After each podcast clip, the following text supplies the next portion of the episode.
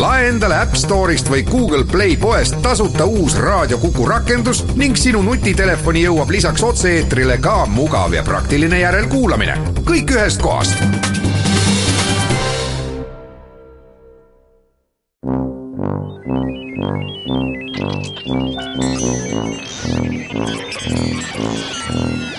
vanamehed kolmandalt. Vanamehed aitab kolmandale Eesti Koostöökogu. tere päevast! nädal tagasi valiti uus Riigikogu, on uued erakonnad jõudnud Riigikokku, nüüd on lausa kuus erakonda Riigikogus esindatud, see teeb koalitsioonikõnelused märksa põnevamaks ja seepärast täna just selle teema käsile võtamegi, ehk siis küsime, kuidas neid valitsusi tehakse, kes juhib mängu, millised on tingimused, mille üle arutatakse. Ja kes oskaks veel paremini neil teemadel rääkida, kui praegu tegevpoliitikas üks staažikamaid, kui mitte kõige staažikam inimene, Riigikogu esimees Eiki Nestor, tere Eiki! tere, jõudu! ja Kuku endine peatoimetaja, staažikas ja heale kuulajale hästi tuntud ajakirjanik, praegune Rahvusringhäälingu venekeelse kanali arendusjuht Janek Luts, tere Janek! tere! saatejuht Ülle Madise. no nii, nagu ikka siin saates kombeks, alustame üldistest asjadest. Ma ei tea, kuidas teile, aga mind paneb see õige sageli imestama, et et siis, kui ühe Riigikogu või valitsuse aeg hakkab otsa saama, hakatakse erakond erakonna haaval vaatama, et milliseid lubadusi nad on täitnud ja siis pahandatakse selle üle, et ükski erakond kõiki valimistel antud lubadusi täitnud ei ole. ja ometigi koalitsioonivalitsuse puhul peaks pigem arutama selle üle, kas koalitsioonilepingus kokku lepitud lubadused on täidetud, et kui kui arutada selle üle, kas kas tegemist on olnud töövõimelise ja lubaduste täitjate inimestega, et kuidas teie seda näete? ma arvan, et valijal on ikkagi õigus äh, oodata lubaduste täitmist erakonnalt, äh, kelle poolt ta hääletas, ja selles mõttes ta hindab äh, ka seda, kas see erakond nende aastate jooksul siis suutis neid lubadusi täita või mitte ja kuidas ta suutis neid täita, et kui sa, erakond jääb opositsiooni, siis tal ilmselt kõigi eelduste kohaselt ei olnudki muud võimalust, kui oma ideid kaitsta ja mõnikord ka ellu viia, pole ka mingi ime, aga kui erakond äh, läheb võimule, siis ta paratamatult äh, äh, saab ühtpidi parema võimaluse oma lubadusi ellu viia, aga teisest küljest äh, peab ta arvestama ka nende partneritega, kes tal seal koalitsioonis on, et ka nendel on seesama soov. nii et seal öelda nüüd hinnata koalitsiooni tegevust tähendaks ju seda, et valija tuleks siis valima mingit koalitsiooni uuesti, aga seda ta ju ei tee, ta ikkagi hääletab erakondi. nii et peab hindama seda, kuivõrd hästi suutis üks erakond oma lubadusi täita jah, selles mõttes, et kui viimastele aastatele tagasi vaadata, siis oli üks hüva keskkond, ma loodan, et seda keskkonda jätkatakse internetis ka nüüd selle värske koalitsiooni puhul, kus on siis valitsemisvalvurid, kes püüavad ära kaardistada, milliseid lubadusi on koalitsioonilepingus ära fikseeritud, kas nad on üldised, kas nad on konkreetsed ja ja siis hakatakse mingi aja tagant märkima, et kas, kas seda on täidetud või ei ole aga, aga kui me räägime lubadustest, siis need, neid keegi otseselt väga ju ei jälgi, et võetakse jälgimise alla ainult need kõige suuremad, kõige kõlavamad, millega siis üldjuhul veetakse massilist kampaaniat, mitte siis nii-öelda seda sektori kaupa kuskil, et mida me teeme välispoliitikas, mida me teeme, ma ei tea, transpordipoliitikas, vaid need üldised. Ja seda keegi ei jälgi otseselt, meedia jah, tuletab pärast kui neli aastat saab mööda, uued valimised, tuleb meelde ainult siis need kõige suuremad, kõige lühemad loosungid. et kas need on täidetud, aga koalitsioonilepingus seal hakkab ju ka läbirääkimine hoopis selle, selle põhjalt, mis, mis pandi platvormi siis, kui valimisprotsess käis, ehk siis mida lubati möödunud kahe-kolme kuu jooksul kokku? ma pean ütlema, et see kajastus, mis meedias on, on täpselt see, mida Janek praegu rääkis, et põhiliselt siis selliseid peamisi lubadusi. aga sellegipoolest on hulk erinevaid huve, mis ühiskonnas on ja nemad jälgivad ka päris täpselt nende osade täitmist, on see siis näiteks keskkonnakaitse, tervishoid, mis muu. ja seal ma pean ütlema, et ütleme, see valimiste valvurite seltskond mis tänuväärselt on tööd teinud ja loodetavasti teeb edasi, seal on ta enesealgatuslikult toiminud ka ikkagi pikka aega, et eh, noh, ütleme, tööturu osapooled jälgivad väga täpselt, mis toimub selles valdkonnas, siis tervishoiuinimesed räägivad, jälgivad väga täpselt, mis toimub selles valdkonnas. haridus. hariduse inimesed jälgivad väga täpselt, nii et tegelikult vaadatakse siiski seda dokumenti väga põhjalikult jah, aga äh, sa ei saa eitada, et äh, mida valimised edasi, kui me hakkame sealt üheksakümne teisest aastast peale, seda keerulisem on äh, Äh, kuidas ma ütlen siis, maailmavaateliselt äh, jälgida, et äh, kas, kas mingi lubadus on omane sellisele maailmavaatele või kas erakonnal üldse on mingi maailmavaade, mis tegelikult viibki selle hinnangu andmise väga huvipõhiseks, ehk me oleme jõudnud olukorda, kus meil on teatud hulk huvirühmi, kelle huve püütakse esindada, neid huvirühme hinnatakse selle järgi, millist mõju nad võivad avaldada valimistulemusele, ehk siis kui paljusid inimesi nad hõlmavad, ja, ja, ja tegelikult see maailmavaateline pool on kõrvale jäänud, mis äh, tegelikult muudab äh, nii-öelda hinnangu andmine näiteks sotsiaaldemokraatidele, Isamaa Res Publica Liidule, Reformierakonnale äh, väga, vägagi selliseks õhkõrnaks, ses mõttes, et ta ei lähtu mitte maailmavaatest, vaid ainult huvidest. siin on oluline teada seda, et kui me vaatame neid koalitsioone, mis meil olnud on, et siis kui on selgelt maailmavaateline koalitsioon, ütleme siis näiteks Reformierakond, IRL koalitsioon, no siis võib ikka selgelt öelda, et aeti parempoolset poliitikat. ja kui on koalitsioon laiapõhjalisem, et on nii tsentrist paremale kui vasakule jäävaid erakondi, siis kindlasti saab, kes tahab rünnata, saab mõlemalt poolt rünnata, et keegi võib öelda, et et äh, koalitsioon ajab kuidagi Äh, vasakpoolset poliitikat ja täpselt samamoodi võib rünnata siis näiteks sotsiaaldemokraate, kui nad juhtuvad miks võib, seda ju tehtigi. seda tehtigi, kui, kui sa oled nagu parempoolsetega ühes koalitsioonis, et miks te ei tee üht või teist või kolmandat asja, mida te lubasite ja siis tulebki käed laiali ajada, öelda, et näed, sellepärast ei tee, et see teine pool ei ole kuidagi nõus seda tegema. no mitte teine pool, vaid tegelikult asi on ju selles, et järelikult rahva hulgas siis need kas rohkem ümberjagamisele suunatud või rohkem ise hakkama saamisele ja omavastutusele suunatud ideed ei omanud saanud sellist ülekaalu, mis oleks andnud piisava enamuse. nii et jällegi mina vaataks asja pigem nõnda, et kui nii-öelda vasakpoolsed ja nii-öelda parempoolsed saavad kaunikesti võrdse toetuse ja kahe peale kokku enamuse, et siis ei ole midagi imelikku, et nad lähevad koalitsiooni ja et sellisel juhul asjad oluliselt ei muutu, et siis läheb lihtsalt edasi nii, nagu oli, sellepärast et kumbki pool jääb oma põhiasjadele eelduslikult kindlaks, mis on ka normaalne, sest vastasel korral valija karistab selle ära ja, ja siin on ju ka nendel valimistel ikka seda räägitud, et kui koalitsiooni minnakse ja sa ei saa päriselt oma maailmavaadet ja oma valijate huve realiseerida, sest need põrkuvad teiste ühiskonnas olevate huvidega, mis on täiesti loomulik, mis on asja mõte, et noh, siis see on mõistetav, aga kui erakond ühel valimisel on parempoolsete seisukohtadega, järgmistel valimistel on millegipärast vasakpoolsete seisukohtadega, e, ja jääb kangesti mulje, et tegemist on sellise catch-all või big tent lähenemisega, et tulge kõik kokku, et tulge parempoolsed, tulge vasakpoolsed, õiged inimesed teevad asju lihtsalt õigesti, et siis selle karistab ju valija ära. jah, aga äh, samas me peame tunnistama, et ega sotsiaaldemokraadid äh, ja Reformierakond väga kõvasti karistada ei saanud, et kui me vaatame sellele vahevalitsusele tagasi, mis oli enne neid valimisi, äh, noh pea aasta, võimul ja, ja mis moodustati ju vahe, valimiste vahelisel ajal, siis äh, Äh, tegelikult moodustati justkui laiapõhjaline valitsus, kui me vaatame Euroopa traditsiooni, siis laiapõhjaliseks pigem peetakse valitsusi, kus, kuhu kuulub äh, kolm kuni kuni rohkem äh, koalitsioonipartnereid, nüüd olid valitsuses justkui liberaalid ja, ja vasakpoolsed. Ja, ja tegelikult valija väga karmilt ju ei karistanud kumbagi, et loomulikult võib öelda, et jah, et, et kas kolme koha kaotus või, või viie koha kaotus parlamendis äh, on, on siis see karistus, mis, mis teile määrati näiteks sotsiaaldemokraatidele? no see kohtade arv on natukene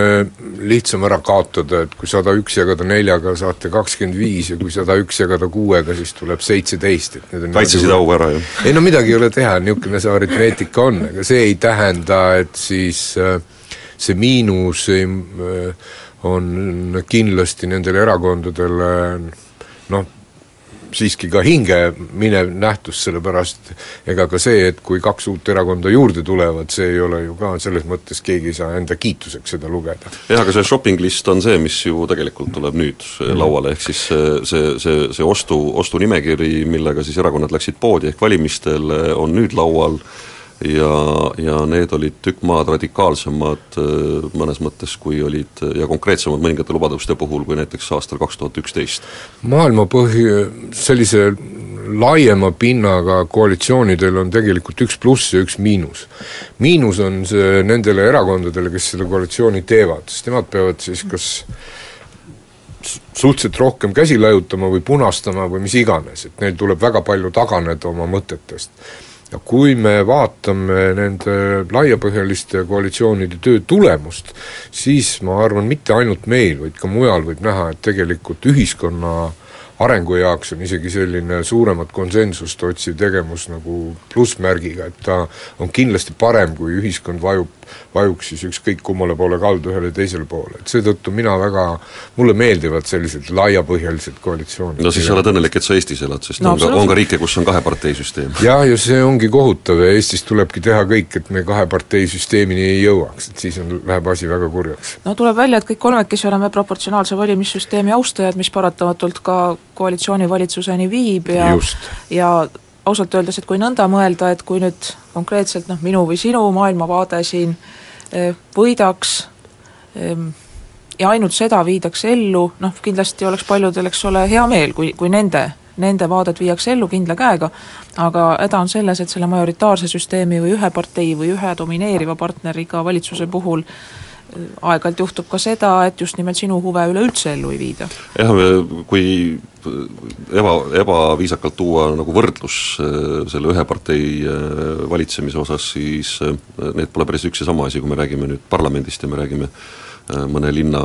Eesti väga, nime nimetamata väga suure linna valitsemist, siis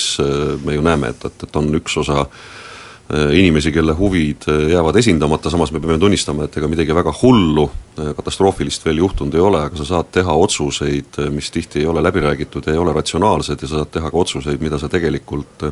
valijale otsustamiseks pakkunud ei ole, kas või seesama kurikuulus ühistransport, näiteks mis on jutumärkides tasuta määratud, aga mille nii-öelda näiteks kaduhindu me saame hinnata kuskil viie-kümne aasta pärast, kui mingi hulk infrastruktuuri hakkab järele andma, aga, aga see oli ka äh, võimalik ainult tänu sellele, et sul on üks äh, partner, kes, üks valitseja, mitte üks partner, kes saab teha äh, otsuseid, mis tihti ei ole ratsionaalsed ja ta ei pea neid läbi rääkima, ta ei pea neid lahti seletama ja ta ei pea saavutama siis nii-öelda veenmis, veenmisvõime kaudu selle otsuse läbisurumist. Ja siin on paras aeg kuulata veidi reklaami ja pärast seda läheme selle peateema juurde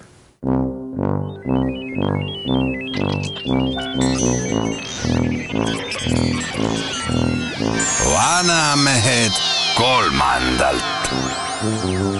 vanamehed aitab kolmandale Eesti Koostöökogu jätkame saadet, räägime täna koalitsioonivalitsustest ja koalitsiooni moodustamisest ja nüüd, kui oleme koalitsioonivalitsuse ja siis ühe partei või ühe domineeriva partei valitsuse vaheni enam-vähem kolme peale lahti rääkinud, küsikski teilt et sinult, Eiki, kes sa oled nendes äh, valitsuste moodustamistes ju aastast üheksakümmend kaks tegelikult kas siis otse laua taga või siis vähemalt asjadest teades osalenud ja, ja sinult, Janek, kes sa ajakirjanikuna neid asju oled jälginud, et, et mis siis äh, konkreetselt valimisööl toimub, et nüüd ju palju aastaid me sisuliselt äh, keskööks või veidi hiljem teame, mis hinnangu on valija andnud, me teame, kellel võiks olla šanssi koalitsiooni moodustada, et mis siis toimuma hakkab, et kui selged need asjad on, kas kujuneb kohe välja üks nii-öelda mängujuht, üks tõenäoline peaminister, kes kohe samal ööl hakkab äh, kaarte üht või teistpidi kokku laduma? siin ei ole ju väga raske otsustada, äh, mis toimub või noh, ennustada. Äh, selles mõttes, et juhttoinaks määratakse ikkagi erakond või määratakse valija poolt siis see erakond, kes saab kõige rohkem hääli, kellel on siis potentsiaali ja tõenäoliselt need kalkulatsioonid, Äh, kellega võiks teha koalitsiooni meie valimissüsteemist tulenevate eripärade tõttu, mida me hindasime positiivseks, äh, on ju läbi mängitud enne äh, seda, kui valimispäev kätte jõuab. eks, ehk siis põhimõtteliselt võib ju määrata ka selle järgi, kellega tahetakse koalitsiooni teha valimisööl, et kui jõuaks jälgida, et millised võitjaerakonna inimesed lähevad teistele erakondadele õnne soovima et noh, kui, kui nagu hästi lihtsaks teha seda, et kes on need ešeloni esimesest otsast, kes tagumisest otsast, kes millisesse erakonda lähevad pärast seda, kui enam-vähem on teada, milliseks jõujooned jäävad, et põhimõtteliselt ma arvan, et selle järgi on juba näha, nende tervituste järgi siis, et kes on need, kes laua taha istuvad? jah, mul on Janekuga väga raske vaielda selles küsimuses, ma ei, ei kavatsegi seda ma olen äh, mitmed valimised, parlamendivalimised Ja ei, sul on äh, õigus. läb-, läbinud äh, nii-öelda selle öise ringkäigu, käies siis erakondade pidustamis, pidustuskohtades ja vaadates neid meeleolusid ja vaadates siis, kes siis on need, kes äh, pärast seda äh, nii-öelda äh, tulemuse suurtes joontes selgumist välja ilmuvad teiste erakondade pidudele. aga kuna Ülle siin mu ajaloolisele mälule nagu viitas, siis ma tuletaks teile siiski meelde, et meil on olnud ühed valimised, kus ennem valimisi kolm erakonda teatasid, et juhul, kui nad saavad parlamendis enamuse, siis nad teevad koalitsiooni, et See oli oli 99. aastal tuhat üheksasada üheksakümmend üheksa, et see on aga millest ei tulnud mitte midagi head välja. Eh, Jah, see on selles mõttes suur erand ja pärast seda muuseas ei ole tehtud ja väga loogiliselt ei ole tehtud, et tegelikult selline ettelubamine sageli võib põhjustada hoopis seda, et sa kaotad hääli valimistel, mitte ei võida. et eh, mõistlikum on siiski hakata, hakata seda karunahka siis õigel ajal jagama, et, et selles mõttes väga paljudele ette öelda seda võib tähendada jälle erakondadele mitte saada jah, aga sa pead tunnistama, et pärast üheksakümne üheksanda aasta valimisi oleme me jõudnud ka sinna, kus ei ole öeldud, kellega ma kindlasti teen, aga Öeldakse, väga palju, kellega ma kellega ma ei tee, tee. hakatakse välistama. ja, ja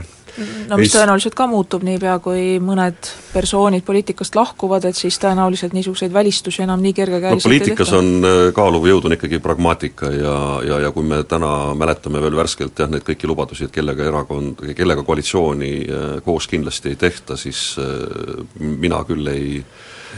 ei luba võtta mingit kergemat ega raskemat mürki ega ei loobu oma peast, et öelda, et seda näiteks järgmise nelja aasta jooksul ei juhtu. Ja ei, seda ei maksa kindlasti teha mina ka ei loobu. ega ei Aga- saa ju ka valijale öelda ta- et, et teie tahet mitte mingil juhul ei arvestata, aga Muidugi. Eiki, vabandust. mis ma tahan öelda nende valimistöö kohta, et siis on kõigepealt kõige iselikum, iseloomulikum sellele ööle on eh, hulk sellist eh, personaalset niisugust äh, arusaamatust või mõnel juhul ka traagikat, sest selle reeglina ma võin teile kindlasti öelda, et kõik need inimesed, kes kandideerivad, us-, usuvad, et nad saavad rohkem hääli, kui nad personaalselt said. et selles mõttes on väga keeruline eks ka Eiki Nestor sai vähem hääli kui eelmistel valimistel. absoluutselt ja kindlasti ma lootsin rohkem, eks ju. ja ne-, ja valdab see noh, reeglina ma ei tea, sajast kandidaadist üheksakümmend üheksat, eks ju, et et kõik ikkagi usuvad ju paremat. Teisest küljest eh, on võitjad sellel õhtul või ööl ja kaotajad ja ausalt öeldes niimoodi poliitilise aritmeetikaga hakatakse tegelema ka tõesti juba sellel ööl ja siis ka selgub, kuivõrd lihtne on siis seda nii-öelda enamust kokku panna ja ja selle enamuse kokkupanemise juures on ju ka omad sellised tõsised reeglid, et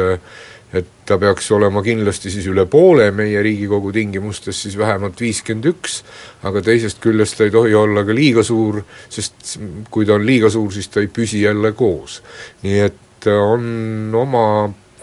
poliitaritmeetikaks, nagu ma olen seda äh, nimetanud, seal on oma kindel loogika, et tuleb, et see number, mis kokku saadakse, peab olema paraja suurusega, mitte liiga suur. päris see, et öösel hakatakse, vabandan, kohe ju kauplema, on tegelikult tulnud ju sellest ameerikalikust äh, traditsioonist, kus, kus on küll kaheparteisüsteem äh, väga tugevalt ja kus äh, lähtutakse nii-öelda läbirääkimistel mänguteooriast, aga see mänguteooria on vaikselt ka meile tuppa tulnud, nagu ma aru saan, vähemalt jälgides kõrvalt koalitsiooni läbirääkimisi ja ja kuulates siis, mida, mida erinevad poliitikud, kes on koalitsiooni läbirääkimistel äh, osalenud, on rääkinud, et see mänguteooria on meile ka tuppa tulnud, ehk siis läbi mänguteooria äh, püütakse näidata teatud initsiatiivi, et kes haarab initsiatiivi, kes hakkab läbi rääkima, kellega, ja samas püütakse ennast tagasi hoida, et mitte näidata, et minu läbirääkimistahe on äkki liiga suur et vaatasin siin läbi aastate, et kui palju on siis koalitsioonil hääli olnud, praegugi ennustatakse siin, et siis kõige väiksem tõenäoline koalitsioon käsutaks nii-öelda viitekümmet kolme häält või saaks tugineda viiekümne kolmele häälele, siis muide viiskümmend kolm, viiskümmend neli ongi läbi ajaloo olnud küllalt äh, tüüpiline ja seni ta on andnud umbes kaks aastat püsiva valitsuse, millest küll ei saa noh, väga palju järeldada, sest kui vaadata, et mille pärast need valitsused on siis kukkunud või need koalitsioonid lagunenud, eh, põhjusi on õige erinevaid, ja mis on päris huvitav, et mitte alati ei ole selge opositsioon, aga tol juhtumil, mida Eiki juba viitas, kui tuli kolmikliit haldusreformi ja mitmete muude niisuguste värskete jõuliste ideedega valimistel võitjaks, siis jah, neil oli viiskümmend kolm häält Mart Laari juhitaval koalitsioonil ja vastu selgelt oli nelikümmend kaheksa. et ehk siis oli niisugune suhteliselt äh, lähedane seis ja ilmselt peale Mart Laari teist mängujuhti ei saanud olla, kuna see kolmikliit oli ise juba kokku leppinud, kes on see peaministrikandidaat ja oli selge, et hääled on olemas. see teine valitsus ei olnud mitte see... vähemusvalitsus pärast? ei olnud, see ei olnud. see no eks sealt hakkab pudisema, eks ole, aja jooksul. peale kõige muu, tookord need kolm partei esimest leppisid ka kokku, et äh, see erakond, kes võidab, et see on kindlasti peaminister, et kuna see häälte vahekord oli meil erinevus oli ainult üks koht seal, siis nad olid sisuliselt kõik võrdsed, nii et see oli erakonna juhtide vahel kokku lepitud, seal ei olnud enam midagi läbi rääkida. nii, ja nüüd on mälumänguritele küsimus, et millisel valitsusel puudus sisuliselt opositsioon, ehk siis väikseks viiteks, et opositsiooni moodustas üksinda Katrin Linde. Andres Tarandi jõulurahu valitsus. oo jaa, no see oli ilus valitsus. kuuskümmend kolm selget toetajat, vastu polnud ka eriti keegi. täpselt kas regionaalminister või? jaa, Eesti esimene, jaa. regionaalminister, no just, see oli siis aastatel üheksakümmend neli, üheksakümmend viis. aga mitte alati ei ole asjad nii selged, et, et kes siis, või et on võimalik ainult nii-öelda noh, ühe suuna koalitsioon, et ega päris mitmel puhul on ikka olnud nõnda, et tegelikult oleks võimalik pidada ka alternatiivseid võimuläbirääkimisi, ehk siis et noh, siin nii-öelda vastanduvatest paaridest või erakonnagruppidest neid seise on ju olnud. no me räägime praegu nagu Eesti pinnal rohkem, et tegelikult äh, ma võin tuua näiteid siin lähiriikidest, kus on mõnes riigis isegi aastakümneid teatud traditsioonid kehtinud, et äh, Rootsis näiteks on nüüd uus moment, eks ju, kus siis äh, see Rootsi demokraatia, selline uus nähtus, nagu ta on, mille kohta minu endine kolleeg kasutas väljendit, et see erakond is not acceptable for the governing duties, ta kasutas sellist väljendit, seal on tegelikult siis kõik teised erakonnad nagu kokku leppinud, et äh, konsensuse alusel töötatakse edasi, aga seda erakonda valitsusse ei võeta mitte mingil juhul. et jutt on siis uutest demokraatidest, immigratsiooni vastane, Euroopa Liidu vastane jah ja., Rootsis umbes analoogne olukord oli aastaid muuseas Norras, kus äh, Norra konservatiivid ja Norra tööpartei, siis sotsiaaldemokraadid, äh, päris pikka aega olid sunnitud tegema vähemusvalitsust ja see vähemusvalitsus tehti selle teise suure jõu teadmisel äh, ja toel, et tal lastigi, kuna enamust ei saanud moodustada, lubatigi teha väli-, vähemusvalitsus sa, ja kõige suurem opositsiooni pool kiitis selle heaks, et see sa nagu ei pea samasugust olukorda märkimisväärseks, et mis oli Mart Siimanni valitsuse ja Siim Kallase ühe valitsusega, et noh, et meil oli tegelikult samasugune olukord. Mart Siimanni valitsuse olukord äh, oli selles mõttes teistsugune, et tegemist oli ikkagi noh, ütleme hääbuva erakonnaga ja siis äh, pilt seal äh, Riigikogu saalis oli niivõrd ebaselge, et tal tõesti, ta oli vähemusvalitsus ja neid sai ka julgustatud seda tegema, kuivõrd nad nüüd oskasid äh, vähemusvalitsusena käituda, ma natuke oleks äh, siin tagasihoidlik, et noh, näiteks näide, meil on ka olnud ju juhus, kus ju Riigikogu saatis riigieelarve tagasi valitsusele ja see juhtuski Siimanni valitsuse ajal, kuna nad lihtsalt unustasid ära, et nad on vähemusvalitsus, et oleks pidanud nagu laiemat äh, toetust sellele eelarvele saama. et aastad on siis äh, seal üheksakümmend seitse, üheksakümmend kaheksa, ühesõnaga enne üheksakümne üheksandat aastat ja. ja see siis oli kuulus olukord, kus üheksakümne viienda aasta valimistel Koonderakonna ja Maarahva Ühendus sai noh, väga suure hulga Riigikogu kohtadest, aga samal ajal see just nimelt oli valimisliit ja Koonderakond oli siis see erakond, kes tegelikult selle Riigikogu perioodi jooksul loojangule läks ja nagu Arvo Sirendi rõõmsalt kord kõnepuldist teatas, et see on üks igavesti vapper erakond, et kuigi ammu juba siit ilmast lahkunud, siis esindamist parlamendis vajab fraktsiooni näol ikka veel aga Siim Kallase valitsuse seestpoolt vaade siis, äh, vabandust mina, millist, ma pole see, mis oli vähemusvalitsus? Kallas peaminister niisuguses valitsuses mina pole olnud mitte. saalis olid? saalis olin. ei, no eks see on, oli ka üks aasta enne val-, valimisi ja siis selles mõttes olukord oli nii raske, keegi ei tahtnud valitseda? jah, sellises oludes võib ka juhtuda, et lastaksegi valitseda nii-öelda, kuidas öelda, valimisteni ära tiksuda, mis tähendab riigi mõttes jälle kaduma läinud aega, et suuri asju sellel ajal ei tehta. noh, kuigi reeglina enne valimisi see aktiivsus niigi pidurdub, eks, et no küllalt on ju tehtud ka neid nalju, kus on mõnele inimesele öeldud, et noh, just nendel aegadel, kus veel erakonnamaastik oli kirevam ja kus äh, niisugust fraktsioonidistsipliini ja selgust, nagu praegu välja kujunenud, veel polnud, et et, et mõnelegi inimesele kuuldavasti nendel hämaratel üheksakümnendatel tehti väike nali, et helistati öösel, et me oleme mõelnud, et sina oled järgmine peaminister, et meil on hääled koos. ja siis õnnetu inimene lööb lipsu läikima ja peab abikaasaga öösel nõu, hommikul tuleb välja, et saadikud tegid nalja. jah, aga äh, ega, ega see tänane situatsioon ju väga selge ei ole, et noh, mis on fraktsiooni distsipliin, et äh, jah, kui me vaatame hääletust, et siin valimissituatsioonis läks küll hääletus ka käest ära ja läks ka valimis, või see fraktsiooni distsipliin käest ära, isegi siin stuudios üks viibiv inimene unustas hääletama minna. aga, aga kui me vaatame nagu seda distsipliini nüüd nagu teistpidi, et kui praegu kõige tõenäolisem koalitsioon, mis võidakse moodustada lähi, lähinädalatel, oleks Reformierakond, Sotsiaaldemokraadid, Vabaerakond, ma ei ole väga kindel, et meil nii-öelda aja, ajalugu mingil moel jälle ei kordu, et see kurikuulus Res Publica Isamaa liit, et kas see näiteks jäi tüki lagunema. Ja kui me täna räägime, et neil, sellel koalitsioonil oleks viiskümmend kolm kohta, et sügisel näiteks ei ole neil juba viiskümmend kuus häält koos või, või rohkem. no eks Keskerakond on ka sageli keret täitnud, et seda Riigikogu vist polegi olnud, kust ka sealt ei ole aknaaluste fraktsiooni liikunud nii et, et noh, et, et see, see, see nii-öelda see kummaline kauplemine ja, ja, ja jooksmine ühe laua juurest teise juurde, et ega, ega seegi on, seegi on täiesti oodatav ja ootuspärane järgmise nelja aasta jooksul üldiselt kuigi me oleme nüüd valimislubadustest ja koalitsioonilepingutest väga kaugele läinud. üldiselt ei, see fraktsiooni distsipliin on kindlasti näitaja, millest peaks rääkima, et kuna sellest on ka viimasel ajal palju juttu olnud. aga palun?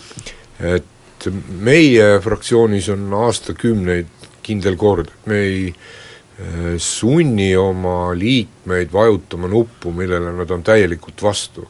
küll aga on äh, üks nõue olemas, et inimene peab ütlema, et vot selles küsimuses on ta fraktsiooniga eri meelt.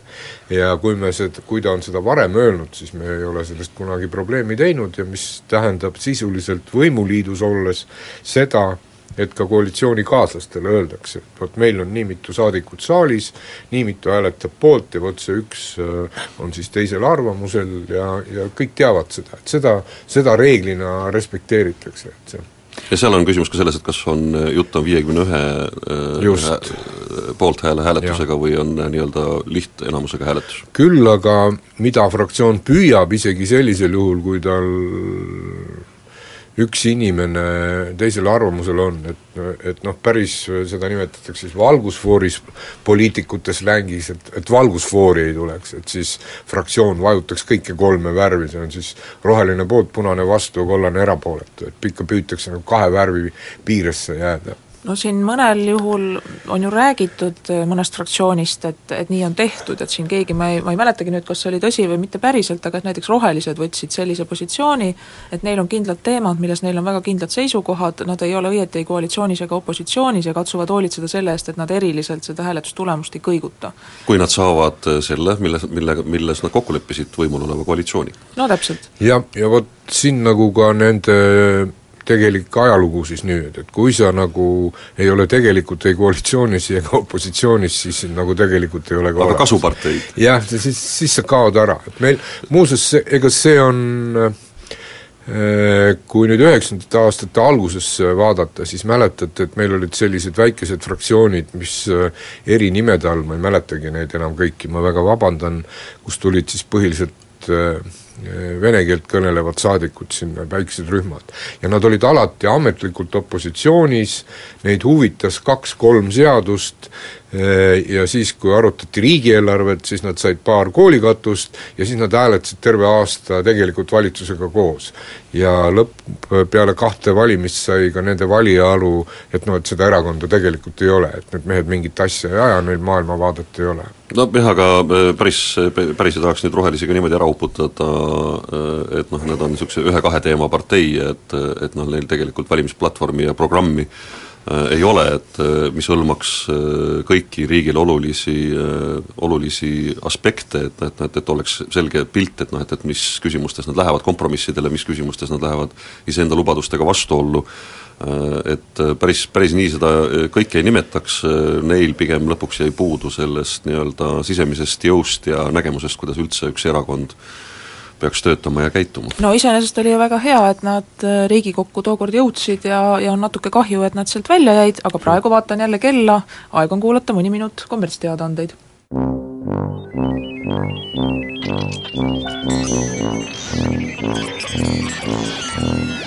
vanamehed kolmandalt.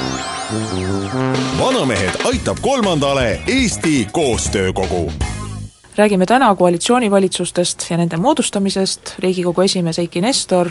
staažikas ajakirjanik Janek Luts ja saatejuhi rollis Ülle Madise. Esimeses saate kolmandikus rääkisime sellest, mis on koalitsioonilepe, koalitsioonivalitsus, koalitsiooninõukogust ei rääkinud, teises saate kolmandikus rohkem valimisööst ja fraktsioonidistsipliinist. Ja Janek jõudis mainida, et et justkui tõenäoline oleks kolmeosalisega koalitsioon nüüd ka nende valimiste järel Eestis. kas poliittehnoloogi, tehnoloogiliselt ei või siiski, kui on jaksu seltskonda koos hoida ja üksteise vastu välja mängida, olla nesi, neli osapoolt kavalam? et ehk siis võtta lisaks ah., lisaks sotsidele ja Vabaerakonnale kampa ka IRL ja siis on alati väiksema kohtade arvuga parteisid võimalik üksteise vastu välja mängida. just, ja see ongi see miinuspool. et kui ma rääkisin, et koalitsioon peab olema vähemalt üle poole kohtadest, aga ta ei tohi olla liiga suur, siis seda ma püüdsingi selgitada, et juhul, kui eh, näiteks koalitsioonil on niivõrd palju hääli, et eh, no antud juhul siis nelja erakonna puhul, et kui kolmel õnnestub üks nagu kõrvale jätta ja oma soov selle neljanda osapoole protestidele vaatamata läbi viia, siis see on väga ohtlik võimalus. et seda alguses kõik kindlasti teatavad, et seda keegi ei kasuta, aga mingil hetkel see kiusatus tekib ja siis seda tehakse, siis on ka selle koalitsioonil nagu punkt. et siis on tal lõpp peal. et seetõttu ongi see nii-öelda optimaalne suurus tähtis, et ta liiga suur ei ole ja see liig-, liiga suur olemine tähendabki seda, et on võimalik teha kellelegi sellest koalitsioonist nagu ära. ja siis see erakond ju siis ütleb, et see ei ole meie koalitsioon, meie seda asja ei aja. nojah, ja juhtub lihtsalt see, et, et siis vahetatakse mõned ministrid, kes on selle partneri ridadest tulnud, vahetatakse lihtsalt presidendi juures välja, aga ajaloos jällegi Tiit Vähi siis üheksakümne viiendal aastal, tegelikult ühel ja samal aastal jõudis moodustada kaks valitsust, ühel oli kuuskümmend kaks häält Riigikogus, teisel viiskümmend viis. Nii et seal läks asi sinnani, et, et astus peaminister tagasi kõige täiega ja, ja tuli siis osaga oma partneritest uuesti äh, valitsusse, aga nüüd äh, mida siis jagatakse? et äh, üks asi on need sisulised seisukohad, koalitsioonileppest juba rääkisime, et mis faasis jõutakse tegelikult ministrikohtadeni, sest eks neid, kellel on see marssali kepikene põues, et neid ole iga erakonna ridades, ja et kui oluline on siin ka Riigikogu valimistel saadud häälesaak, ütleme nüüd,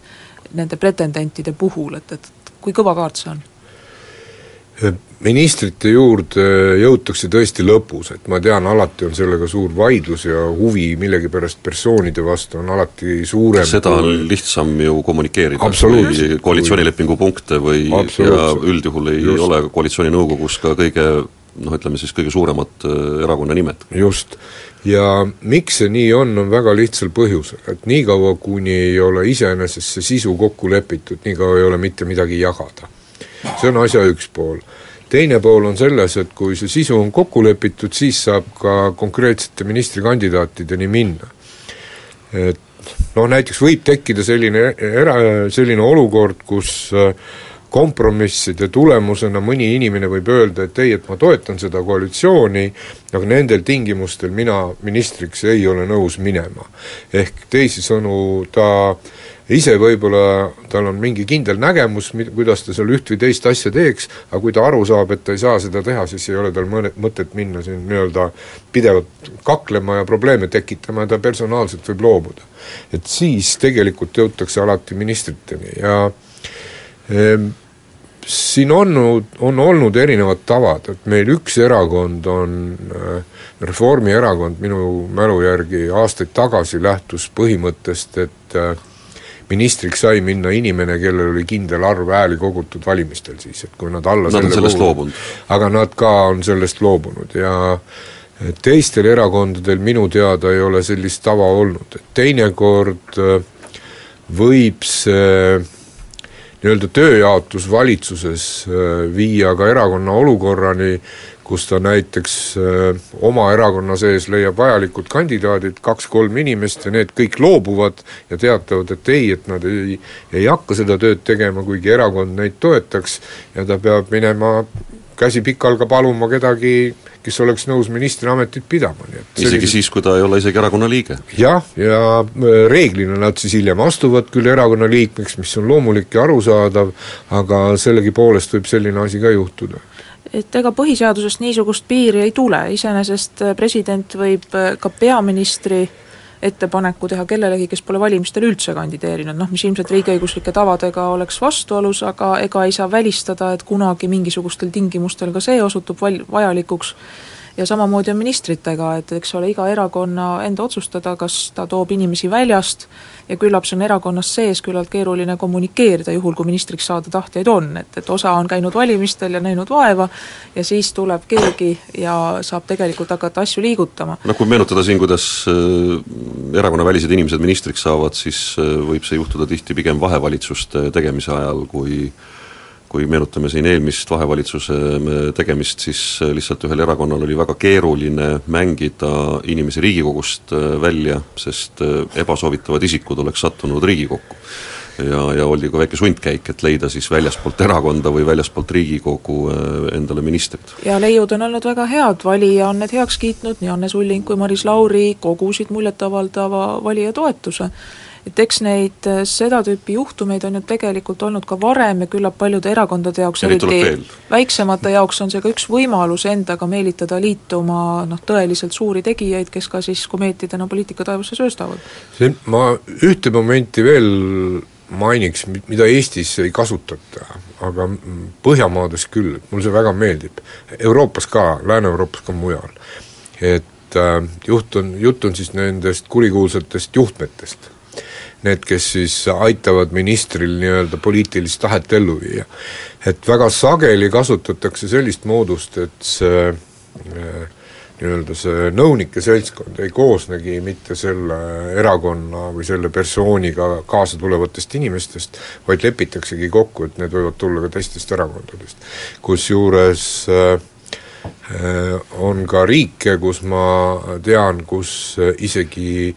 on see opositsioonierakonna nii-öelda juhe, kes on antud võimuerakonna juurde, eks. ja tehakse seda täiesti teadlikult, selles mõttes, et leida siis nagu laiemat konsensust nendele otsustele, mis siis parlamenti jõuavad. no pigem on seal pragmaatika ka taga, et, et on. mitte kaotada sidet koalitsioonilepinguga. ikka nii. Kas jagatakse ainult ministrikohti, tahtsin siin kohe, enne kui meie saateminutid täis tiksuvad, küsida, või on ka praegu säilinud jutuajamised mingite muude kohtade üle, et jällegi üheksakümnendate alguses, mil mm, asjad ei olnud niiviisi paika loksunud ja niisugust küllalt euroopalikku poliitilist ja valitsemiskultuuri polnud veel tekkinud, noh mis vaieldamatult Eestis on olemas oma puudustega kahtlemata, eks siis jagati ju ka suursaadikukohti koalitsiooni läbirääkimiste osana, vähemalt nõnda on räägitud, eks on alati üritatud ka siin põhiseaduslikke institutsioone jagada ja päris sageli on mängus olnud ka näiteks presidendi koht, et ka Riigikogu või kohalikel valimistel juba eh, seotakse neid valimisi ka siis ja Euroopa Liidu volinike kohti on ka no püütud siduda. et ühesõnaga, kuivõrd Eiki, kui sa nüüd au- ausalt meie heale kuulajale, oma valijale ütled, et kuivõrd on koalitsiooniläbirääkimistel ka muid kohti mängus? ütlengi ausalt, et ei ole, et praegu juba aastaid vaatavad erakonnad niimoodi ühed valimised korraga siiski, et eh, ka nendel Riigikogu valimistel ma olen isegi päris kindel, et mitte keegi ei mõelnud nagu siin kahe tuhande kuueteistkümnenda aasta peale või mingi voliniku koha peale või millegi, millegi muu asja peale, et et selles mõttes on, võib-olla see lähenemine on isegi liiga pragmaatiline, aga kõik võtavad nagu üks samm korraga, et see, see ei tekita kindlasti mingit huvi. Nii et sa ütled, et presidendi- miks, miks, ei ma, ja ma ütlengi, et miks seda ei tehta, ei tehta seetõttu, et et soov on ju ikkagi teha valitsuseks ja, ja kui siis, mõtle, kui tobe oleks jätta üks valitsus tegemata seetõttu, et ei lepita kokku kes on järgmine president? kes on järgmine president, no see on tä-, täiesti jabur, no seal, seal ei ole ju mingit äh, vajadust, seetõttu ütleme, teemasid, mis võivad tekitada probleeme ja mida valitsuse moodustamiseks nagu lauale panna vaja ei ole, ei pandagi lauale, kuna nad ju segavad. eks siin oma, oma, oma roll äh, kindlasti noh, mingil määral äh, hiljem ikkagi püütakse neid asju läbi rääkida ja kokku leppida, nii palju kui see on võimalik, nii palju kui see on vajalik, aga oma roll on siin ka selles kindlasti, et me, kuna ei ole väga suur usklik rahvas peale Igor Mangimäe, kedagi väga rahvana ei usu, aga siis, kui tekivad sellised mustrid või, või ka siis pärast seda, kui keegi nimetatud, siis tõenäoliselt väga tihti, et seda asja seletada, luuakse siis teooria, kuidas see kõik oli omavahel seotud ja kuidas see kõik oli omavahel kokku lepitud, demoniseeritakse mõned inimesed ära, ma ei tea nüüd, mis põhjustel, kas siis tänu Autorollole või millele, et Rain Rosimannus on koalitsiooni nii-öelda läbirääkimistest kõrvale jäetud, tõenäoliselt ta päris kõrval ei ole, aga, aga öelda näiteks, et kogu Reformierakonna asju otsustab Rain Rosimannus ja Kristen Michal ainuisikuliselt või et kogu Keskerakonda juhib ja kamandab ainult Edgar Savisaar, see demoniseerimine ja nii-öelda siis reptiilide ja, ja vabamüürlaste ja ma ei tea, kelle nägemine kuskil noh, see lihtsalt on noh, see, see kasvab teinekord üle pea tagantjärgi. no õnneks on jah, selles osas poliitiline kultuur saanud küpsemaks ja, ja eks on ju tegelikult teada, et kui sa hakkad täna näiteks kokku leppima kaks tuhat kuusteist presidendikandidaati, siis miks peaks üks pool teist uskuma? et äh, see lubadus see garantii et no neid äh, kere garante, et eks neid on siin aegade jooksul ju nähtud. nüüd äh, päris saate lõpuminutil veel isiklikest solvumistest. et seda ka aeg-ajalt öeldakse, et üks või teine koalitsioon ei tule kokku, kuigi valija toetusest justkui piisaks, justkui loogilised seosed ka ühiste sihtide seadmisel ja ühiskonna arendamisel oleks,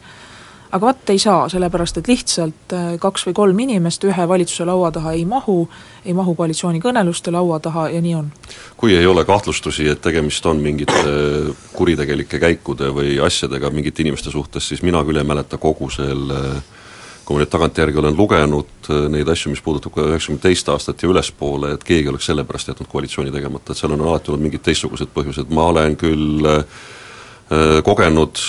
eravestlustes poliitikuga seda, poliitikutega seda, et kirutakse ühte või teist koalitsioonipartneri ministrit, ka ministrid omavahel võib-olla ei ole kõige paremas sobivuses, aga selle jaoks on meil ka olemas peaminister, kes peab selle meeskonna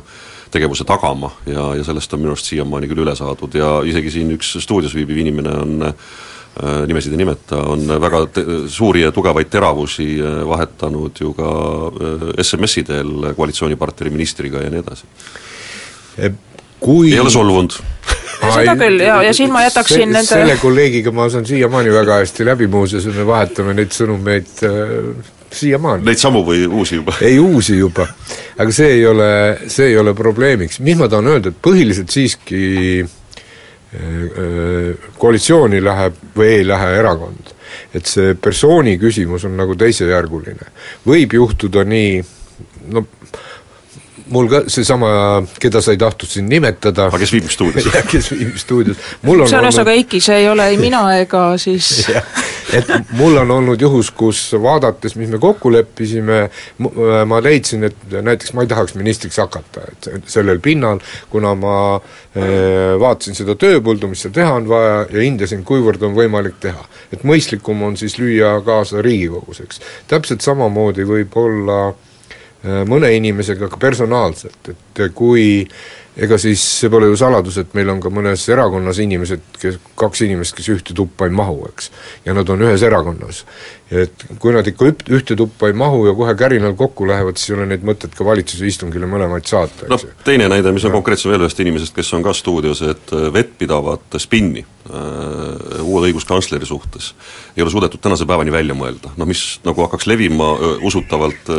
aga ma olen täiesti kindel, et noh, et, et mingil hetkel tekib mingi versioon, et kelle huvides määrati uus õige, õiguskantsler, kelle kokkumäng see oli, kuna see kokku lepiti? Ülle, mõtle ise see välja ja spinni antud juhul saab selgitada, et äh, tõepoolest äh, tundub ja ma loodan, et sellel põhjal, et oleks sõltumatu. aga siinkohal ongi täna aeg panna punkt, aitäh, Janek Luts, aitäh, Eiki Nestor, aitäh kuulajaile, kuulmiseni!